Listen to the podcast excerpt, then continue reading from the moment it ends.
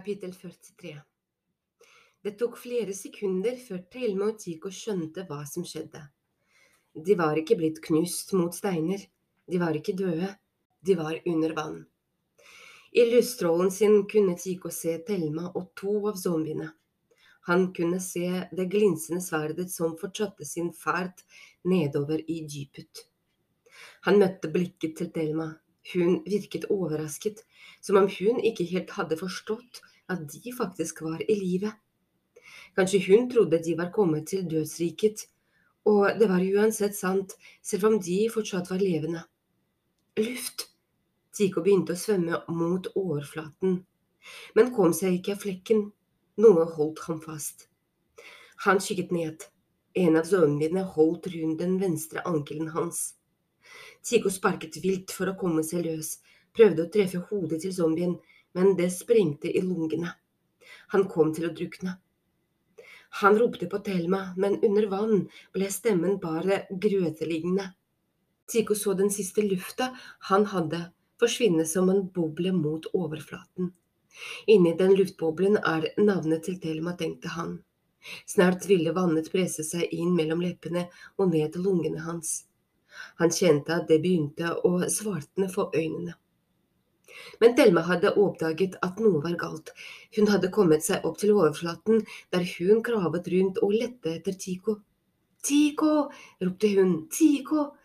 Så trakk hun pustene og dukket ned igjen. Der var han, Tico så på henne med livredde øyne. Han strakk hendene mot henne. Thelma grep dem og svømte alt hun klarte mot overflaten. Tico fikk ansiktet over flaten og gulpet i seg luft, mens zombien nektet å slippe taket. Han kom til å bli trykket ned igjen. Foten min, gispet han, da så Thelma hva som foregikk. Hun sparket alt hun kunne mot hodet til zombien, men det var vanskelig å få nok kraft under vann men etter fire spark mistet den taket og sank hjelpeløst ned i vannet. Heldigvis så det ikke ut til at zombiene kunne svømme. Tico begynte å få tilbake pusten. Langt over seg kunne de høre hvesingen fra zombiene som satt fast under luka. Tico rettet lysstrålen sin oppover. Høyt der oppe kunne han se dem. En av dem hang kun etter foten. Så ble foten hans revet av, og zombien falt rett mot dem. Thelma, pass deg, ropte Tico. Zombien landet midt mellom dem med et plask før den fortsatte ned i dypet. Thelma og Tico prøvde å orientere seg. De var i en tunnel eller en gruve. Vi må svømme inn til kanten, sa Thelma. Heldigvis var det ikke langt, bare noen meter. De klatret opp på steinene. Her var det ikke murgulv eller murstein, bare grovt uthugget fjell. Men de så en tunnel eller gruvegang. Det var kanskje et par meter bred og like høy, det var altså den hemmelige fluktveien til Evelyn. Men hvor ledet den, og hva skjulte seg der inne i mørket? Flere zombier? Noe verre? Tico lyste innover. Det så ut som at gangen skrådde nedover, ikke oppover. Det var uforståelig, og det absolutt siste de ville var å dra enda lenger ned under bakken. Men å klatre opp til luka igjen var umulig. Nå merket de også at de frøs. Klærne deres var jo gjennomvåte, de måtte videre. To av zombiene hadde flytt opp til overflaten og var i ferd med å krabbe opp av vannet. Det gikk heldigvis langsomt, men de hadde kurs mot Thelma og Tico. Thelma pekte. Det stakk noe ut av skulderen til den ene zombien. Sverdet. Det hadde spiddet ham under vann.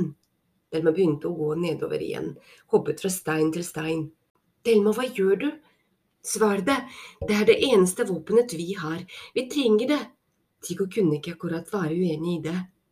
Thelma var fortsatt redd, men følte hun hadde begynt å skjønne litt mer av zombiene nå. Hvordan de beveget seg, hva de kunne klare, og hva som var vanskelig for dem. De kunne ikke klatre, for eksempel. Å gjøre noe annet med hendene enn å klore og grafse så det heller ikke ut til at de kunne. Sannsynligvis skjønte de ikke hvordan et dør-håndtak fungerte. Egentlig var det synd på dem, tenkte Thelma. Hun kunne bare håpe det var sant at de ikke kunne føle noe. Thelma gikk i en bye slik at hun kom opp bak zombiene. Så lynraskt grep hun sverdet med begge hender og rykket det løs. Et øyeblikk sto hun og vurderte om hun skulle kverke zombien. Hun kjente at hun hadde litt lyst, men hun slo det fra seg og gikk tilbake til Tico. Ikke si at du liker dette her, sa han. Liker hva da? sa Thelma. Å slåss mot zombier og nesten bli drept. Det siste liker jeg ikke. Men det første liker jeg kanskje bitte litt, sa Thelma. Hun så på sverdet. Det var vakkert. Og det fikk henne til å føle seg mektig. Vi kan godt bytte på, sa Thelma. Nei, det er greit, sa Tico. Du kler det bedre enn meg. Thelma smilte. Der gikk vi, da, sa hun.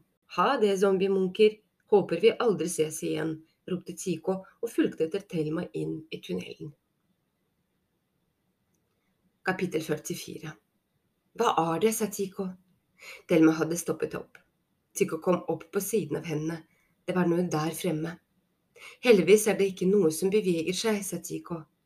Det ser ut som noe mekanisk, sa Thelma. Forsiktig gikk de videre. Thelma med sverdet foran seg. De fant en slags vogn. Den var bygget av tre og jern og var både rusten og råtten. Likevel virket den fortsatt brukbar.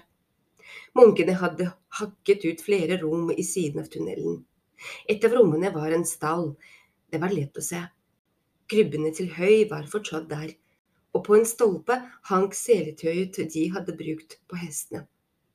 Foran vognen stag det ut to lange steiner. Foran vognen stag det ut to lange stenger. Det var altså meningen at den skulle bli trykket av en hest. Skinner, sa Tico og pekte på gulvet til tunnelen. Vognen går på skinner. Det var sikkert for at de skulle kunne flykte så raskt som mulig. Ja, eller fordi det er veldig langt å gå, sa Thelma. Ja, sa Tico og sukket. Igjen kjente han hvor sliten han var. Hele kroppen skalv. Thelma fikk et lurt drak over ansiktet. Du fikk en idé, sa Tico. Kanskje, sa Thelma. Få høre, da. Men det bør være noe bra, sa Tico. Jeg tror det er bedre at jeg bare viser det, sa Thelma. Men hvis det skal funke, så må du gjøre nøyaktig som jeg sier, og ikke krangle. Jeg kjenner allerede at jeg ikke liker det, sa Chico. Men greit, sett i gang. Thelma la fra seg sverdet på vogna, løp inn i stallen og tok ned seletøyet. Så løp hun tilbake til vannet. Skal du ikke ha sverdet? ropte Chico. Trengs ikke, ropte Thelma. De to zombiene snerret rasende mot henne. Thelma så fornøyd at de ikke hadde klart å komme seg lenger opp av vannet. Hun la seletøyet på en stor stein, viklet tømlene løs og planla det neste hun skulle gjøre.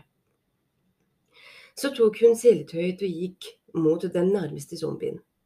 Akkurat som hun hadde forutsettet, strakte den armene mot henne.